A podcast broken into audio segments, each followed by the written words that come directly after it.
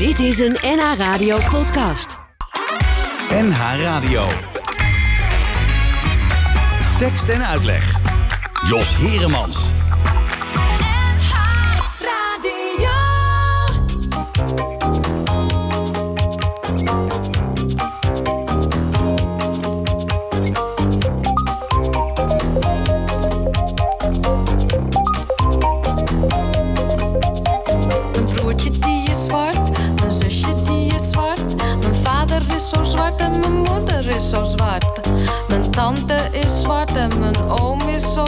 en mijn eh, neefjes zijn zwart. En ik ben... Ja, zeker.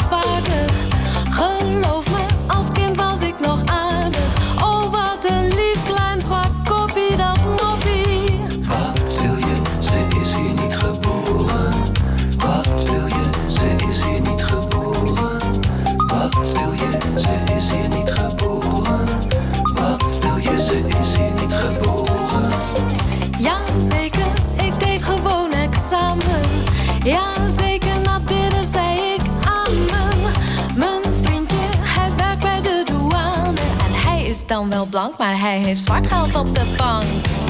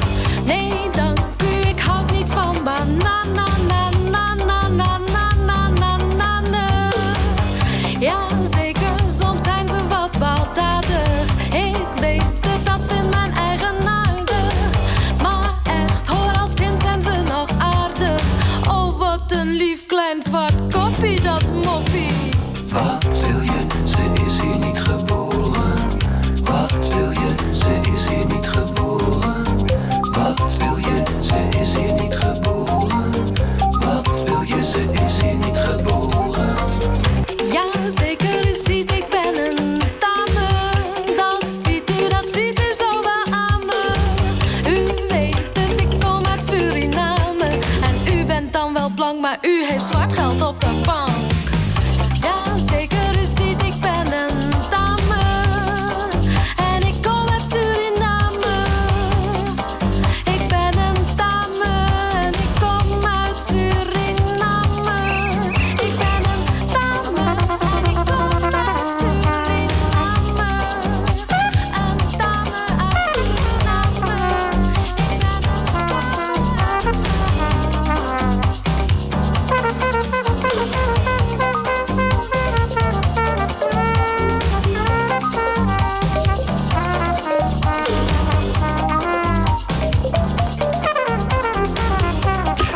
uit Suriname was dat van eh, Sherry Weidenbos. Dat is alweer een tijdje geleden.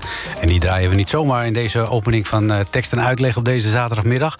Want eh, vanmiddag de gast is Bodile La Parra. Goedemiddag. Goedemiddag. Ja, ook een dame, ook uit Suriname. Maar niet echt, geloof ik ook. Hè? Want waar ben jij geboren?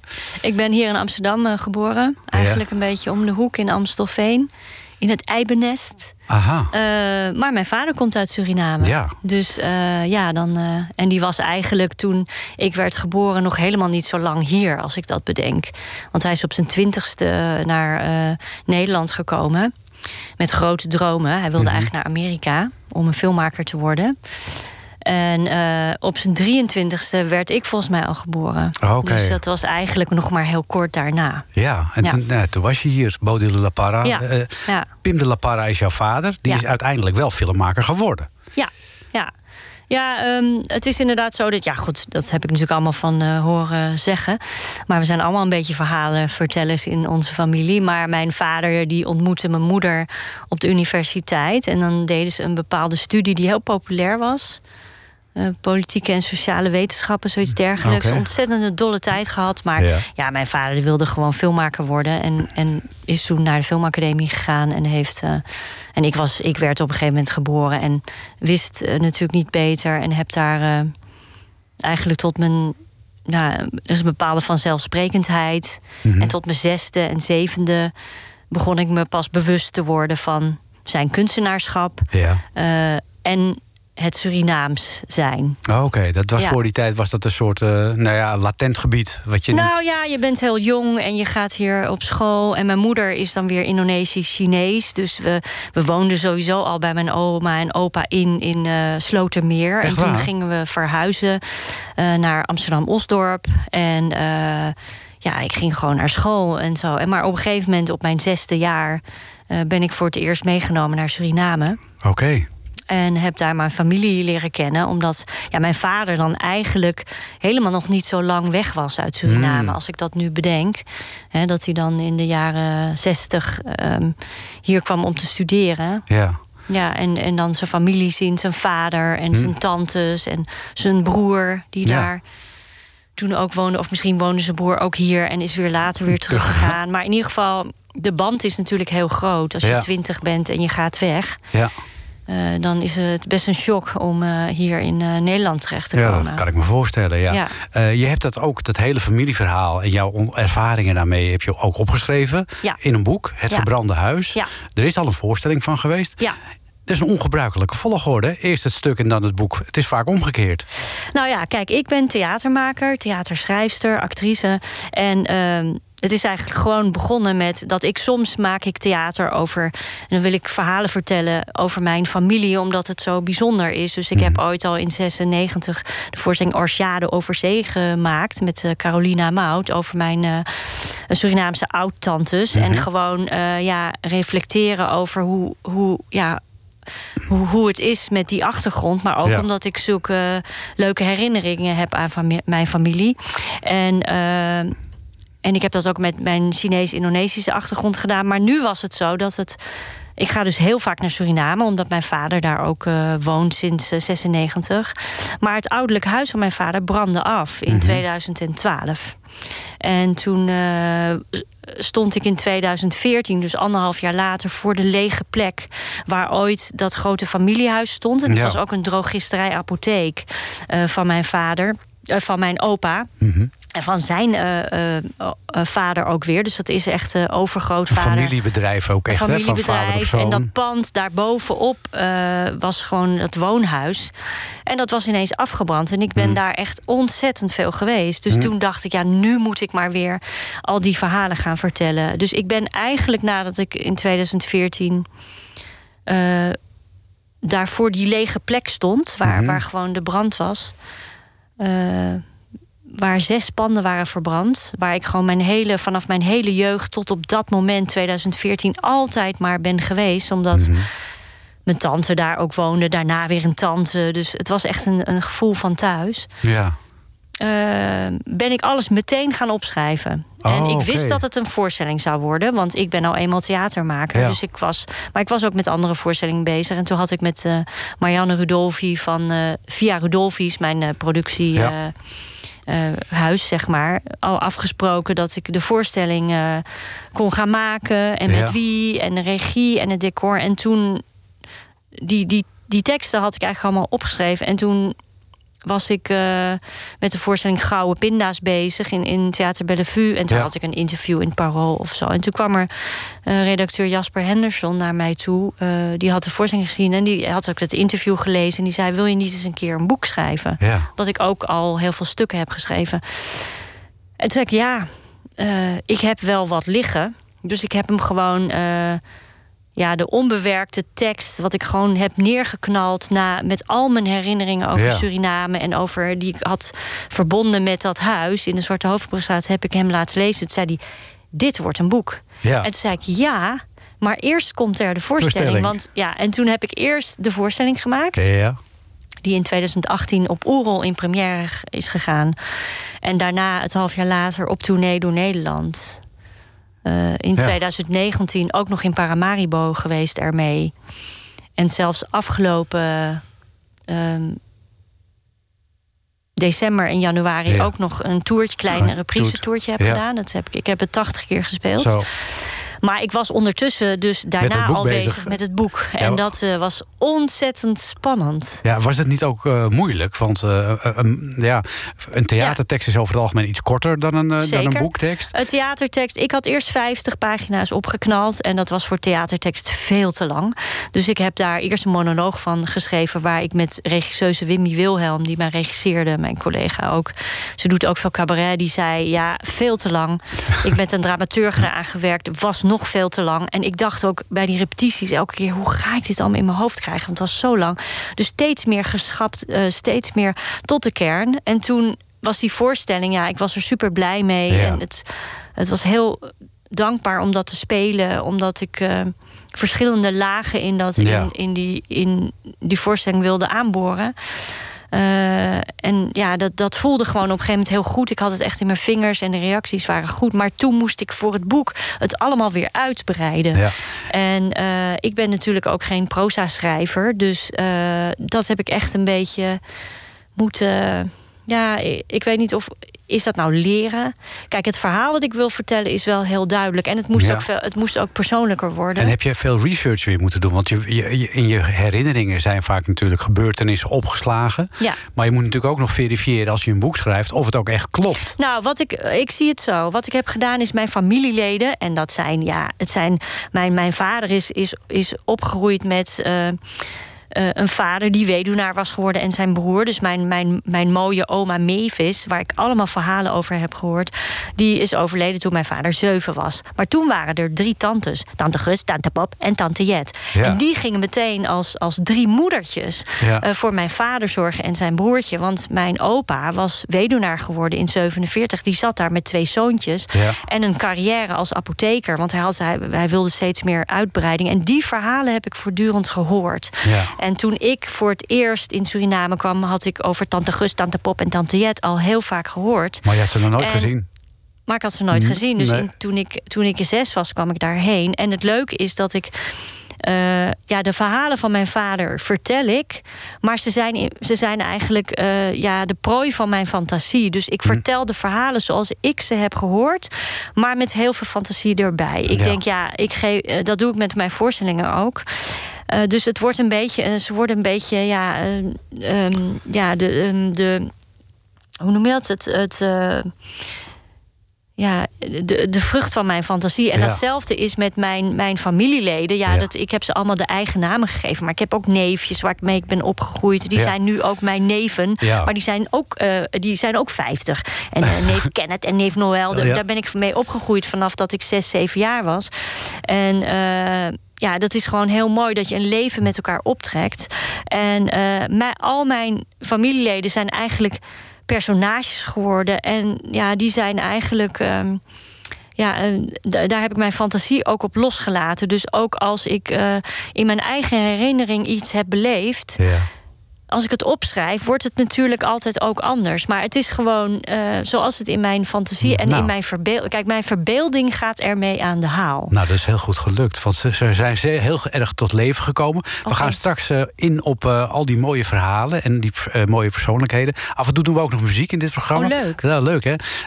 Het is een tekst van Wietske Lubis. En die is op muziek gezet door, ja, volgens mij is dat door Johan Hoogboom gedaan. En dat wordt gezongen door Lucretia van der Vloot. En het gaat over eh, de huidige tijden. Er dwarrelt een verlanger door de stad.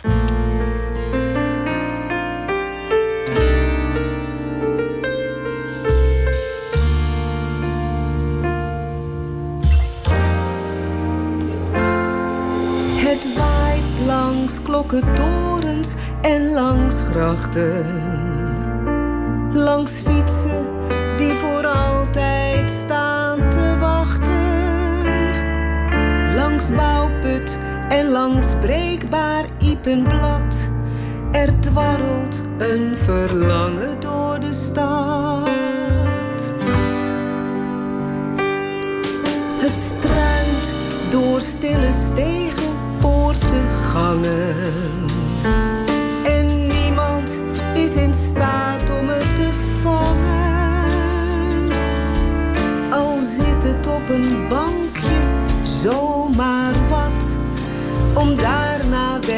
waaien door de stad. Het zwijgt, het zucht. Het vecht, het vlucht. Het splijt, het speelt.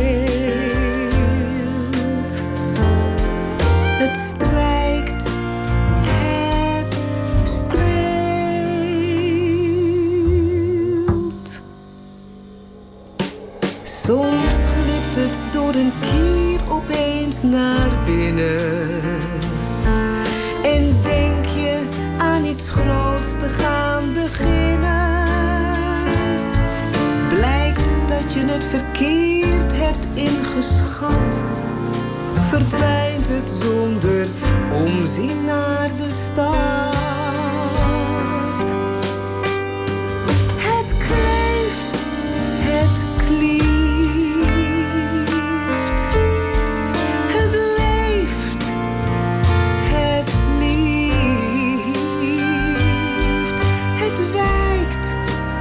Het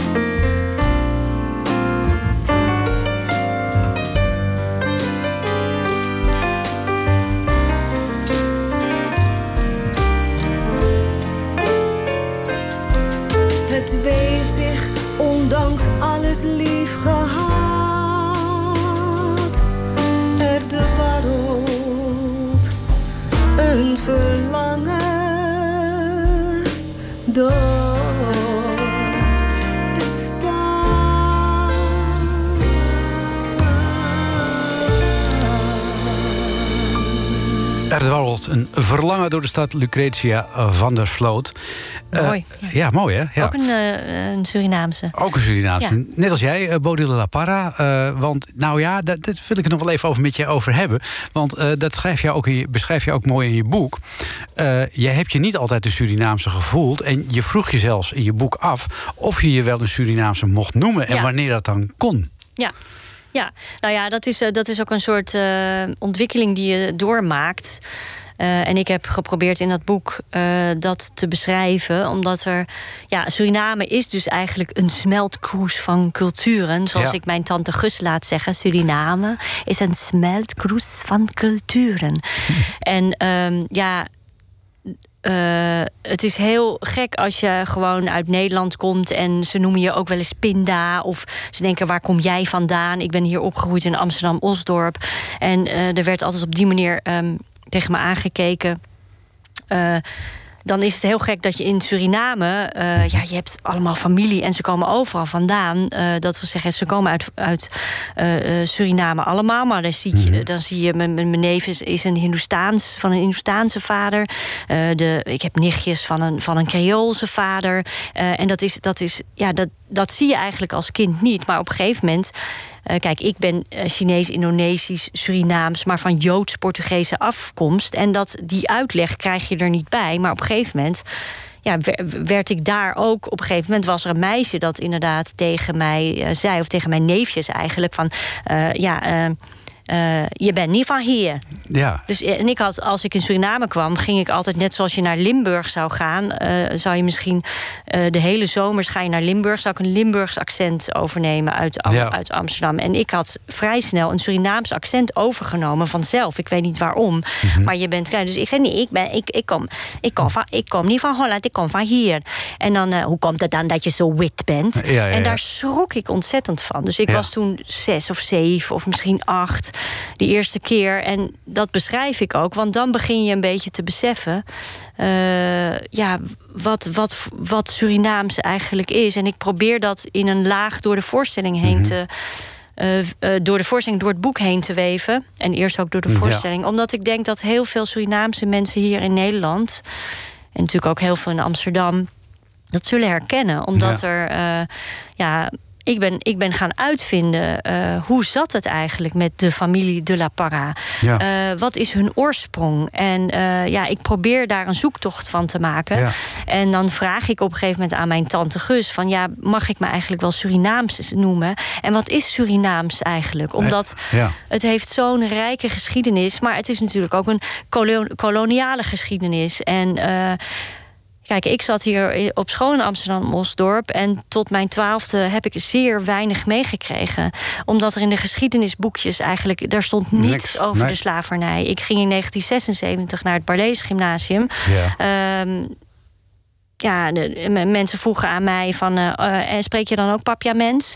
En weet je, maar ik zei, nee, dat is op de Antillen. In Ja. Suriname spreken ze Sanangtongo. En, eh, en eh, en komen jouw ouders ook uit Parimaribo? Bo, En ja. dan, nee, Paramaribo. En dan, dus weet je, dan heb je zelfs in zo'n milieu van mensen... weet je wel, dus, dus, dus zo'n gymnasium met... Dat, mensen hebben geen idee. Mensen Nee. wisten het niet. Dus ik, je moet het wel gaan uitvinden. Ja. En die, die, die, dat Surinaamse gevoel... Ja, dat, dat is een gevoel wat ik onmiskenbaar eh, kreeg als ik elke keer met mijn ouders naar Suriname ging. Ja, en ik- d- ja, dat gevoel van thuis, dat, dat kan je niet ontkennen. Nee, maar je komt dus, dus aan, hè? je vertelt ook, dat vertel je ook in je boek. Je bent zes, je gaat voor de eerste keer eh, met eh, 24 rollen topdrop eh, in je bagage... Richting die je vervolgens eh, uitkomt in het vliegtuig. Ga, je, ga je naar Suriname, je komt het vliegtuig uit... en dan beschrijf je dat het als thuis voelt. Dan denk ik, hoe zit dat in je genen, hè? Ja, dat weet ik eigenlijk niet. Nou, kijk, ik weet niet of het op dat moment als thuis voelt, maar je, je, je wordt verwelkomd. Weet je, ik heb, ik heb dan, eh, kijk, in mijn, in mijn boek, ik weet niet precies of het letterlijk zo is gegaan, maar in mijn herinnering stonden die tantes op Zanderij. Ja. Eh, laat maar, de kinderen van laat maar naar jullie kijken. Jullie zijn zo groot. En dan weet je zo van, Ja. zijn, zijn jullie aan het Madurodam geweest? En zo. En eh, wij, ja, wij, die, die tantes, geweldig. En daar, we wisten natuurlijk ook, ja, dat zijn de tantes, dat zijn eigenlijk soort moeders van mijn eh, vader. Ja. En het waren eigenlijk eh, drie oma's tegelijk. Ja. En, ehm, ja, en, en meteen spelen met die neefjes. En eh, we werden zo hartelijk ontvangen. En het, het, ik heb daar idyllische herinneringen aan. En elke keer als je dan weer teruggaat... want wij gingen toen hele zomers terug. En als we bleven, dan bleven we ook gewoon acht weken. Ja, en waar verbleef je dan? Ehm, nou, we, we- verbleven in de Zwarte Hovenbrugstraat. Kijk, in, in het. Dat is het huis van je- van je- van je va- ja, van het, je het vader, is hè? eigenlijk zo dat eh, de Zwarte Hovenbrugstraat, het huis, het pand dat is afgebrand, daar kwam de familie eigenlijk altijd samen. Hm. Daar heb ik ook heel vaak gelogeerd. Eh, daar woonden. ehm, dat, dat is de grote apotheek met daarboven het woonhuis en daarachter het erf. En ehm, de tantes Gus, Pop en Jet woonden daar in mijn herinnering. Ja. Eh, opa woonde daar en later weer op een andere plek. Maar eh, later is mijn tante Jenna, dat is de moeder van mijn neef Noël, daar terug gaan wonen. Eh, de tantes Gus, Pop en Jet zijn daar geboren. In ieder geval zijn tante Gus, Pop en Jet daar ook overleden. Ja. De, er was een grote goejavenboom achter op het erf. En daar is de nageboorte van tante Gus begraven. Ja. Dus dat werd mij op een gegeven moment verteld. Van, Ja. zie je die boom daar? Daar is de nageboorte van je tante Gus begraven. Ja, je had geen En- idee toen wat het geen was. idee wat een nageboorte is. Daar heb je op je zes natuurlijk helemaal niks Nee. eh, van gehoord. Dus eh, ja, dat, dat huis, daar voelde ik me... een groot huis, houten huis midden in de stad. Ja, daar voelde ik me ontzettend thuis. Daar heb Ja. ik vaak gelogeerd. En dan, we mochten daar dan logeren met mijn ouders. Maar ik ben daar zo vaak geweest. Niet alle keren gingen wij daar logeren. Nee. Maar als kind, in mijn geheugen, was het altijd daar. Maar het was sowieso al een. een je, je beschrijft dat huis heel mooi. Eh, het, het was al een soort eh, hele prestatie. Dat, je, dat moet aan jouw overgrootvader geweest zijn. Dat hij dat apothekersdiploma kreeg. Want ja, de, dat, dat, was, dat ging niet vanzelf. Nee, dat ging niet vanzelf. Nou, in die zin, ehm, het mooie is, eh, ik heb sommige dingen uit het huis heel goed. Eh, ik heb een neiging tot nostalgie, dus ik heb heel veel in dat huis gevonden en gezien. eh, dat ook allemaal is afgebrand. Eh, Ja. Maar sommige dingen heb ik meegenomen. Zoals Ja. ik heb bijvoorbeeld nog steeds op een of andere manier dacht ik Pikinski toen ik dat daar in dat, Ja. in dat huis zag liggen. Het apothekersdiploma van mijn opa Maurits Julius de la uit 1890. Dat heb Kijk. ik. En dat is handgeschreven. En eh, daar, daar, daar heb ik ook het, ja, ehm, dat heb ik helemaal overgenomen in het boek. En ehm, beschreven hoe de apotheek toen is gebouwd door Ja. mijn overgrootvader en zijn vader, Mordecai de la Parra. Maar mijn familie eh, is afkomstig ehm, uit, eh, zijn gevluchte Joden uit Portugal. Mhm. Dat is een geschiedenis die ik op een gegeven moment ben ik gaan vragen. En ik laat mijn tantes dat allemaal vertellen. Maar Ja. ik heb zelf ook eh, research gedaan. Het waren gevluchte Joden uit Portugal die op een gegeven moment in Italië terecht zijn gekomen. Eh, maar ze moesten alles in het geniep doen. Hm. En eh, het geloof, ze mochten, mochten bij wijze van spreken hun pijpenkrullen niet. eh, Oh ja. Niet laten zien. moesten, die moesten ze afscheren. Ach. En ze zijn op een gegeven moment naar Suriname gekomen. En ik heb in een stamboom heb ik, ehm, namen gevonden van twee allereerste de La Parra's. Dat waren broertjes. En daar heb ik in de voorstelling in ieder geval een heel verhaal omheen Ja. ge- gemaakt. Ehm, en ook eh, brieven geschreven. Dat is in het boek, ja, omdat het een persoonlijk boek is, kan dat eigenlijk niet. Maar ik heb ook uitgevonden dat. ehm, eh, ja, deze in, in 1667 zijn de eerste de la Parra, Solomon en Samuel, naar Suriname gekomen. Zonder dat het misschien op dat moment nog Suriname was, want het moest nog geruild worden met de Engelsen. ze zijn gevlucht en, zijn en we gevlucht, zien wel ja. waar we terechtkomen. En uiteindelijk werden het suikerplanters Kijk, eh, op Jodensavanne. ja. En Jodensavanne, dat, daar heb ik ook heel veel over gelezen. Maar daar mochten de Joden eh, toen wel eh, mochten ze, een synagoge bouwen. En in vrijheid hun be- geloof beleiden. En het werden suikerplanters. Maar als je plantages had, dan had je natuurlijk ook Slaven. slaven tot Ja, slaafgemaakte. gemaakte, ja. Dus dat, ehm, dat, die ontdekking Ja. doe ik natuurlijk ook in het boek. Want in mijn leven, toen ik op een gegeven moment naar Suriname kwam... en op een gegeven moment word ik ouder en ik ga voorstellingen maken... Ik, ben ik nu gaan lezen en eh, ik denk, ja, wat is er eigenlijk gebeurd met deze... eh, Samuel en Solomon. En eh, ik ben terechtgekomen op Jodensavanne gewoon als toerist eigenlijk. Ja. Surinaamse die gaat kijken, wat, wat is dat eigenlijk, dat Jodensavanne? En daar zijn nog steeds restanten. Hm. Eh, want dat was, eh, ja, dat was eigenlijk een hele eh, een, een enclave, een Joodse Ja. enclave. En daaromheen waren eigenlijk allemaal plantages. Daar zie je eigenlijk niet zoveel meer van. Maar je ziet wel resten van een synagoge. En een hele grote begraafplaats. Hm. En bij die begraafplaats zijn allemaal graven. En ook heel veel de La. Ja. Dat zijn voorouders van mij. Ja. En als je verderop gaat kijken, dan zie je ook, ja, ehm, eigenlijk graven van de tot slaafgemaakten. Ja. Eh, en dat zijn paaltjes, naamloze paaltjes. Ja. Dus toen ik dat voor het eerst zag in 1996, nou, ik schrok me kapot. Ja, dat kan me want ik denk, wat idioot, want ehm, de, de- mijn familie, eh, de Joodse Portugezen, zijn zelf ooit gevlucht vanwege de Inquisitie. Ehm, moesten overleven, eh, zijn op Jodensavanne terechtgekomen, waren planters ehm, en hebben dus tot slaafgemaakten gehad die voor ze op de plantages werkten. Dus die verwarring Ja. en aan, eh, is er, eh, vindt plaats. En dat, Ja. dat beschrijf ik ook in het boek. Maar inmiddels, weet je, generaties later... we hebben de naam de La Parra wel behouden. Maar mijn, eh, mijn Surinaamse nichtjes... Maisje en Jentje... ehm, hun vader kwam eigenlijk uit het bos. Het was een bosland creool. Mhm. Ja, ik weet niet of je dat zo mag zeggen.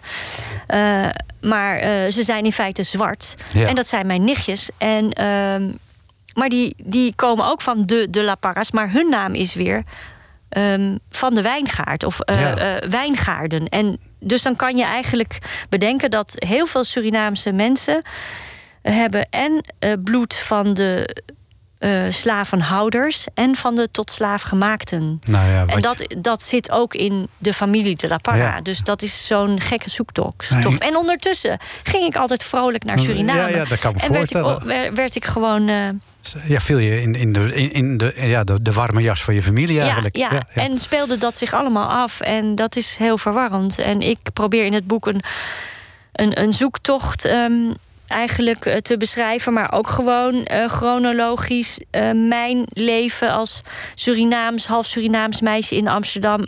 tegen de meetlat van het Suriname van, van tegelijkertijd van mijn familie te, ja. te leggen. Ja, nou, we, groeien, we groeien allemaal op. Ja. Mijn neven ook, mijn nichtjes ook. En ik in Amsterdam en zij in Paramaribo. Nou, we gaan zo even een stukje langs, die, leven, langs dat levenspad wandelen. Ja, ja, ja.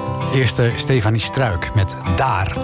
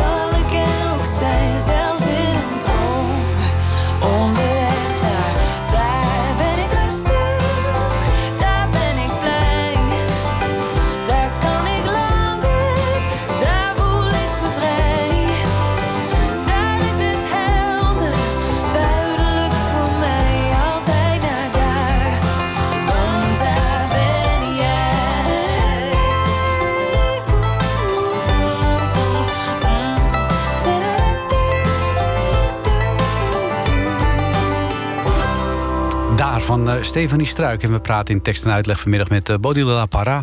Zij schreef het boek Het Verbrande Huis. Dat eh, gaat over het huis eh, dat in Paramaribo stond in Suriname... waar haar voorouders leefden.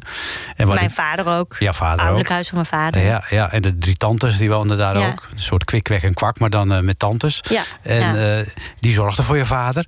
En wat mij opviel, ja, dat vond ik zo mooi. de trots waarmee jouw opa en oma dat huis bouwden. Het was het, hui- het, het huis met de mooist versierde balustrade van eh, Suriname. Ja, ja, ja. Nou ja, kijk, dat is natuurlijk als een huis afbrandt, dan ga je dat natuurlijk idealiseren. En eh, ik wilde het huis ook een heel belangrijk onderdeel, omdat eh, ja, ik wil dit, dit verhaal vertellen. Omdat, kijk, mijn, mijn familie die van Joodse planters komt, ik zei het net. eh, op een gegeven moment is dat Jodensavanne afgebrand. En is bekend dat er veel mensen van Jodensavanne. eh dat. dat ehm, dat, dat Joodse geloof achterlieten en eigenlijk het, het Lutherse geloof aanhielden en in de stad terechtkwamen. En toen kwam mijn, dat is een, de recentere geschiedenis, werden, werden mijn. eh, de La Parras werden apothekers van Mm. beroep. En dat, dat, is, dat is mijn dichte geschiedenis. Want mijn opa, eh R.L. de La Parra, dus de vader van mijn vader, eh, was ook een apotheker. En die had die had op een gegeven moment drie zaken. Ja. En, van die, en, dan, en hij in mijn jeugd, toen ik hem meemaakte, toen was hij natuurlijk weduwnaar ook al lang geworden. En zijn, hij heeft zijn drie- twee zonen in zijn eentje opgevoed. En hij was een beetje norsig. En hij, had, hij was altijd. Had altijd ehm, eh, hij was altijd eh, met werk bezig. En hij had in hoogtijdagen had hij drie zaken. Waarvan het de Zwarte Hovenbrugstraat. eh, ja, waar ik dus zeg maar tot mijn bijna vijftigste ook heb rondgelopen. dat, dat was een hele. Dat was een heel mooi pand. En als. Ja, en. Eh, maar dat was wel het laatste pand wat nog in familiebezit was. Ah, ja. Want het is ook zo dat door de, de politieke situatie in Suriname en door de decembermoorden en door de, eh, de binnenlandse oorlogen en de, de, de middenstand die. Die, die, ja, waar eigenlijk, eh, die, die eigenlijk alles verloor. Dus je zou het misschien kunnen be- bedenken met de ZZP'ers van nu of zo. Ja. Mijn, eh, mijn opa, die heeft namelijk ten tijde van de eh, decembermoorden... had hij toen, toen de, na de onafhankelijkheid... dat beschrijf ik ook in het boek... heeft hij bijvoorbeeld geen vertrouwen meer gehad in de Surinaamse bank. Dus hij heeft al zijn, zijn Surinaamse guldens... heeft hij in een kluis opgeslagen. Want hij, en dat was toen, eh, eh, dat is het familieverhaal eh, in de jaren tachtig of zo. Hij, heeft, hij had 300.000 eh, Surinaamse, of 200.000 Surinaamse gulden. En die waren eh, 300.000 Nederlands waard. Ja. En toen is er een soort devaluatie geweest na de tijd. Ik weet niet precies, want, want historisch gezien. is dat allemaal na rond de, de decembermoorden? Was de devaluatie zo dat eigenlijk. Ik beschrijf het zo in het boek. Die 300.000 gulden waren nog 300 gulden waard. Ja. Dus mijn opa had. Er was heel veel pech in Ja. de middenstand. Ja. Dus mijn familie deed het goed. Maar eh, toen ik. Zelf ben ik heel lang niet terug geweest in Suriname. Ook vanwege de, de decembermoorden en de politieke situatie. En ik wist wel dat mijn familie het zwaar had. Maar toen ik in 92 voor het eerst weer terugging... was bijvoorbeeld die apotheek en ook in de Zwarte Hoofdbrugstraat... eh, die schappen waren helemaal leeg. Er was helemaal niets meer te krijgen. Dus mijn familie was eigenlijk een soort verarmde tak geworden. Ja. En ehm, ja, dat was voor mij heel heftig om te zien. Ja, dat kan ik me voorstellen. En eh, ze hebben zich daarna weer een beetje opgekrabbeld. Maar eigenlijk dat huis... Ik wilde gewoon de teleurgang laten zien via Ja. die apotheken ook. Want dat mooie pand wat ooit moet zijn Ja. opgebouwd... door mijn over overgrootvader, waar ze zo trots op waren. Het mooiste pand in heel eh, Paramaribo. En eh, ja, dat, dat is ook het laatste pand wat er nog bestond. En dat, als dat is afgebrand, dan zijn er alleen Nee, nog maar- de verhalen. Ja, hoe is het eigenlijk gegaan verder? Want eh, eh, het- dat pand, daar zat de apotheek in. Wie is de laatste apotheker geweest eh, in de familie de La Nou, Parra? eigenlijk, ja. Mijn, mijn, mijn, mijn opa, Richard Leonard de La Parra... die wilde natuurlijk heel graag dat mijn vader... of de broer van mijn vader, oom Henk... daar iets mee zouden doen. Ehm, maar dat gebeurde niet. Dus de tantes Gus en Pop, die stonden nog in de winkel. Toen was het een drogisterij-apotheek. En mijn tante Jenna, die in 2015 is overleden, dus na de, het, het boek houdt eerder op. Die zat ook nog in de drogisterij-apotheek in 2012. Toen eh, het was nog steeds een winkel. Ja. Maar ze verkochten er amandel, waar ze eerst amandelassance verkochten en ehm, medicinale apotheek werd het langzaam een drogisterij met Ja. body lotion en eh, pierceep en haarclips. En het, eh, ze verdienden het, het, het, Ja, ze, ze hadden eigenlijk helemaal geen ze konden er wonen, maar eigenlijk niet van rondkomen. ze konden er niet van rondkomen.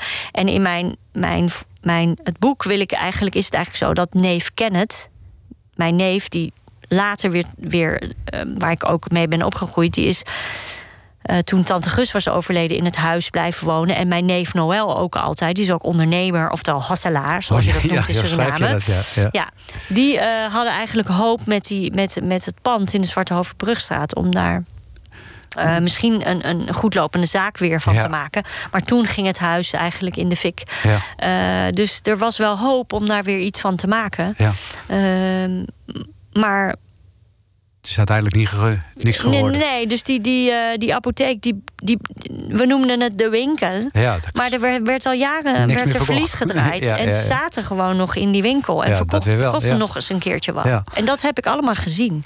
Dus dat wil ik ook beschrijven, hoe dat ging. Ja, ik, ik vind bijvoorbeeld eh, hilarisch het verhaal van eh, dat jouw, jouw opa dan. die houdt kantoor en die zit, die zit achter zijn bureau. Die heeft ook een secretaresse. Ja. Die zit op vijf meter afstand van hem. Maar die belt hij dan Ja, als hij ja. iets wil weten. En dan noemt hij ook zijn volledige naam plus zijn beroep. En spreekt met R.J. de la Parra. Ja, de? Para- ja, ja, precies. Nee, dat, dat was zo. Dat ze, Dat is hilarisch, ja, ja, dat toch? ik mij dat als kind herinneren dat we bij hem een dagje op kantoor moesten zitten. En dat we dachten, wat moeten we daar, mijn broertje en ik, wat moeten we nou Ja. bij opa op zijn kantoor? Dan gingen we daar zitten. En dan ging opa heel gewichtig doen. En dan ging hij dus eh, Linda bellen. En, die, en dan zijn secretaresse aan de overkant, die nam dan op. Ja, meneer La Para. En het was gewoon vier meter Ja. verder. Ja. En, eh, ja, en dan dat Linda. En dan, dan, dan, eh, en dan eh, ging hij zeggen: Kan je me zeggen waar ik, eh, waar ik de niet-machine heb gelaten? En dan, en dan ging zij zeggen: Nou, tegen, daar achter die paperclips. Oh, ik lijk wel blind. Ja. Wil je- En dan gingen ze een gesprek voeren over die telefoon. Ja, en wij dachten echt hilarisch, van. ja, ja, Ja. ja. Ja, ja. Ik denk wel dat je wereldwijs geworden bent in Suriname. En gemaakt ook door je neven. eh, ja. Want dat, dat beschrijf je ook wel. Van, eh, ze willen van alles van je weten. Ze weten nog niet wat het gedaan eh, Ze heeft Ja, ik nog had niet mijn- mijn- je, ja. je, je, je, weet van niks eigenlijk. Je wordt Ja, een je had, ik had mijn neef Noël. En dat, was een, ja, dat is nog steeds een hele goede en leuke neef van mij. Eh, hij is onlangs 50 geworden. En eh, ja, neef Noël die was altijd gewoon een beetje stout. Dus die zei, hey Bodil, heb je het al gedaan? En was het lekker? Maar ik had geen idee wat het was. Ja. Dus dat begon hij. En hij waarschijnlijk ook niet. Dus hij, eh, hij, hij dacht altijd, die komt uit de grote stad. Maar hij was eigenlijk... eh, ja, en hij is nog steeds een boefje eigenlijk. Ja, maar ja. op een hele leuke manier. Ja, ja. ja, je hebt een leuke familie. Eh, we hadden het net al even over eh, Carolina Mout. Daar heb jij samen een voorstelling mee gemaakt. Ik ben nog even gaan zoeken. En Carolina was in 2012 ooit een keer bij mij te gast. En toen hebben we een live nummer opgenomen. Oh, wat ik denk, leuk. laat ik dat even horen. Een hele goede zangeres is het Ja. ook. Ja. Nog steeds hard aan het werk. Zeker.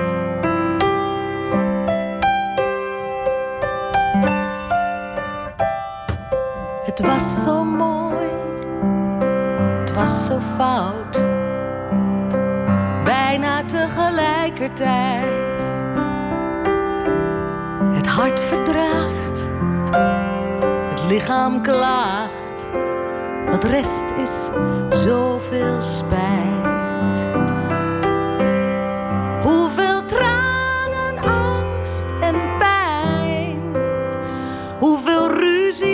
Zijn? Voor ik moe en beurs en klein eindelijk vrij zal zijn.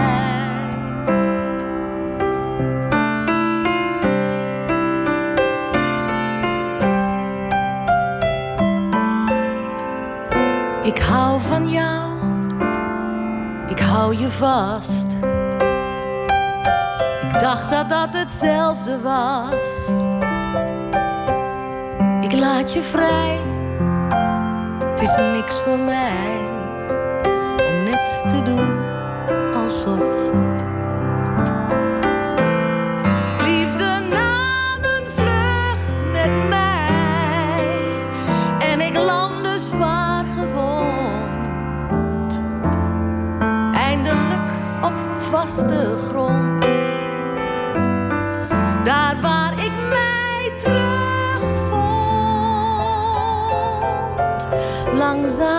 zeker opstond. Ik laat eindelijk los.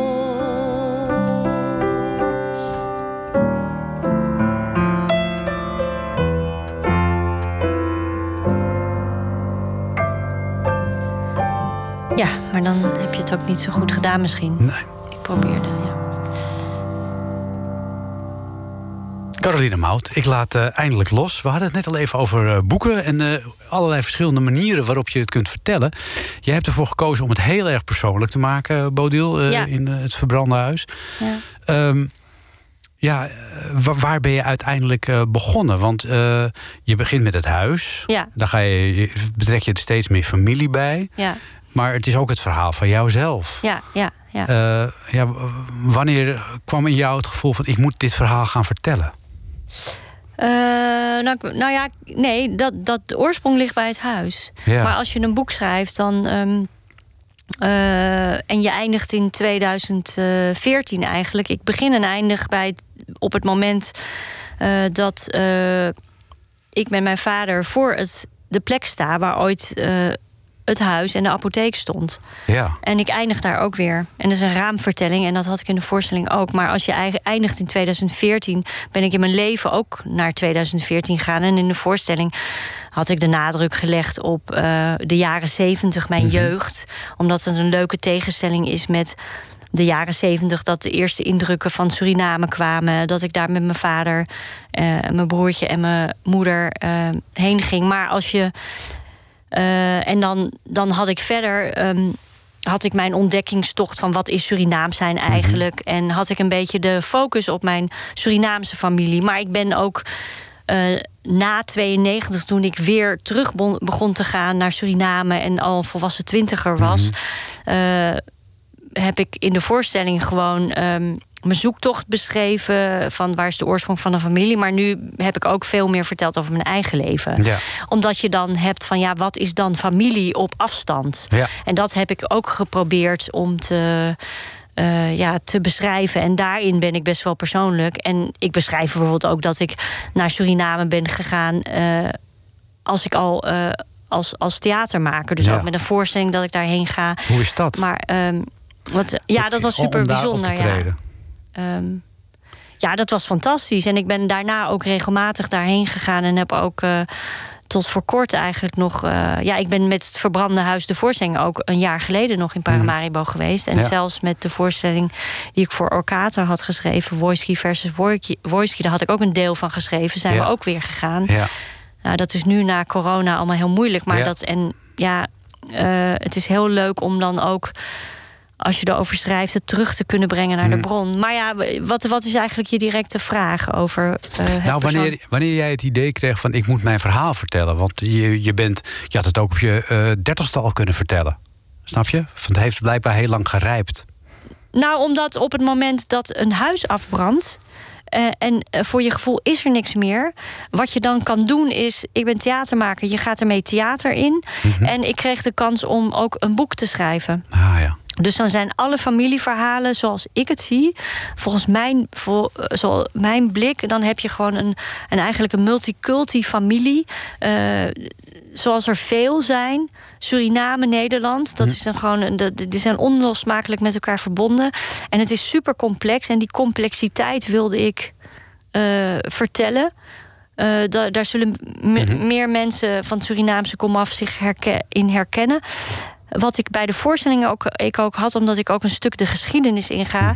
Heel veel mensen weten dit niet. Nee. Hoe complex het eigenlijk Ja. zit. En hoeveel eh, eh, achtergrond er eigenlijk eh, zit bij heel veel Surinaamse Nederlanders, Nederlandse Surinamers. Ja, want hoe voel jij? Voel jij een Surinaamse Nederlander of een Nederlandse Surinaamse? Of voel jij je gewoon Bode la Parra wereldburger? Ja, dat, maar toch ook wel deels Surinaams, deels. Ik ben natuurlijk Amsterdamse ook. En, eh, maar wel trots op mijn, mijn Surinaamse achtergrond. Dus dat, dat, eh, en, en die complexiteit, die wil ik heel graag be- be- begrijpen. En omdat wij ook eh, ja, ooit de allereerste. Samuel en Solomon de La Parra, Joods-Portugezen, ook plantagehouders waren, zit er ook een gedeelte schuld en schaamte. En in mijn persoonlijke leven, wie, in, wie, in welk persoonlijk leven gebeurt er, gebeurt er niet iets, maar dan moet je alles langs de meetlat leggen. En dat schuld- en schaamtegevoel, dat, dat, ja, dat komt heel regelmatig terug. Ja. En waar komt dat nou eigenlijk vandaan? Eh, ja, dat probeer ik een beetje te bevragen. Ja. Ehm, en eh, ja, dat, zou, dat zouden mensen. Ja, misschien. Ik hoop dat mensen daar herkenning in vinden. En ik Ja. wil ook gewoon, weet je, die, die familie is zo eh, bijzonder. Ik wil ook een soort ode brengen aan een familie, maar Ja. daarbij eigenlijk aan alle families. Dus dat.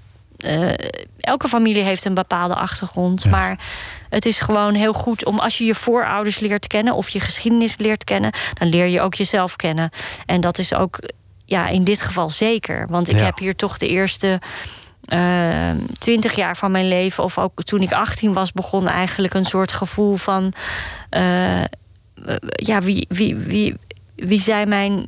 Eh, hoe zit het eigenlijk met mijn Surinaamse familie? Ja. Ik wil, het is een verrijking, dat wil ik eigenlijk Ja. uitbrengen. En ook om de banden aan te houden. Ja. En ook om het vergelijk te maken. En ehm, ja, hoe moeilijk mijn familie het Surina in Suriname het nu eigenlijk heeft. Ja, dat kan ik me ook Met voorstellen. eh, Ja, de hele tijd regering Boutersen nog. Ja, en want waar, mijn, waar denk je dat het heen gaat met Suriname? Want we moeten Eh, een beetje afronden. Ja, eh, ik hoop er het allerbeste van. En eh, ja, ehm, ehm, een niet-Boutische regering, een andere regering, dat er weer opgeruimd kan worden.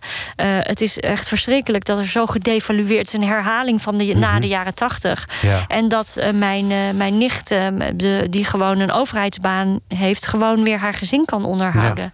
Want dat is heel heftig. Dat je het, je moet bij wijze van spreken euro's hebben om het daar nog te kunnen maken. Het, verar- het, het land is heel erg verarmd in de tijd van Bouterse. Dus dat moet, dat moet weer.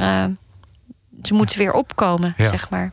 Het is een eh, heel indrukwekkend boek wat je hebt geschreven. Het heet Het. Verbrande Huis. Eh, we hebben lang niet alles kunnen behandelen. Ik eh, zou mensen aanraden, koop het boek. Dan kun je het zelf lezen. Dan kun je alles lezen over hoe je over een lege waan heen moet rijden. Zodat hij toch nog een beetje blijft leven, maar je hem wel kunt verkopen. Als, Hoe- en in de soep kan doen, Ja, zoals mijn neef deed. Ja. Ja, hoe het is met de piemel van de opa van Bodil. Dat wordt er ook in beschreven. En wie Pasha is. Nou ja, allemaal hilarische verhalen. kun je allemaal terugvinden in het verbrande huis eh, van Bodil La Parra. Eh, leuk dat je er was, dankjewel. En eh, nou, heel veel succes met alle andere dingen die je gaat doen. Staan Ja. er al nieuwe projecten weer op stapel na dit boek? Ja, ik schrijf aan een filmtreatment en voor theater. En hopelijk gaat theater het ook weer overleven. Want dan in 2021, 22 hoop ik ook weer in het theater te staan. En ik hoop heel erg dat het goed gaat. Corona-wise ook. Zo ja. is dat. Oké, dankjewel. En nog een hele fijne zaterdag. Ja, alsjeblieft.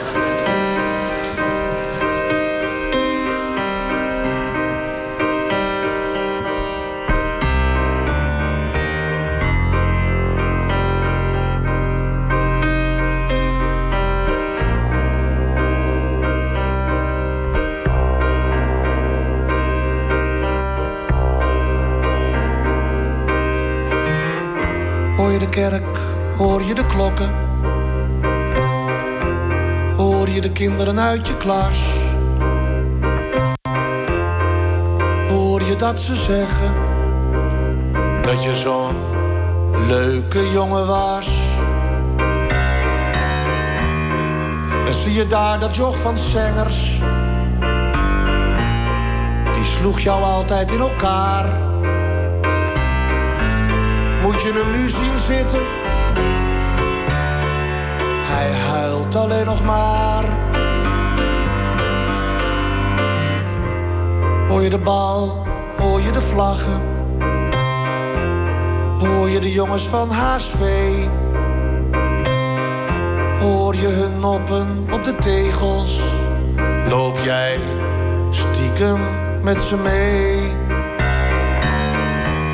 Straks gaan wij met Kruif naar Duitsland. En ik, ik zal ons plakboek doen. En dan zul je het dan beleven. Worden we wereldkampioen.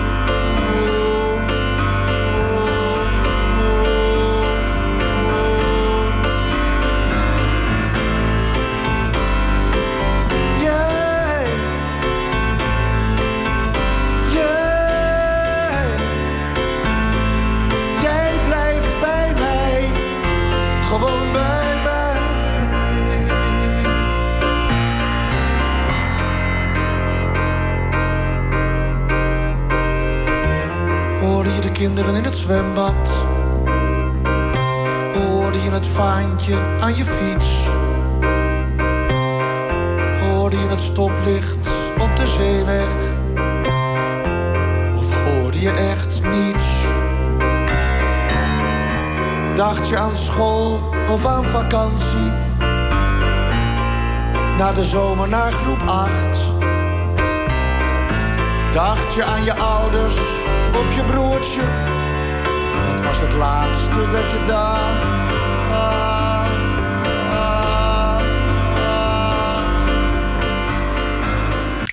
Dit was een NH Radio podcast. Voor meer, ga naar nhradio.nl. Radio.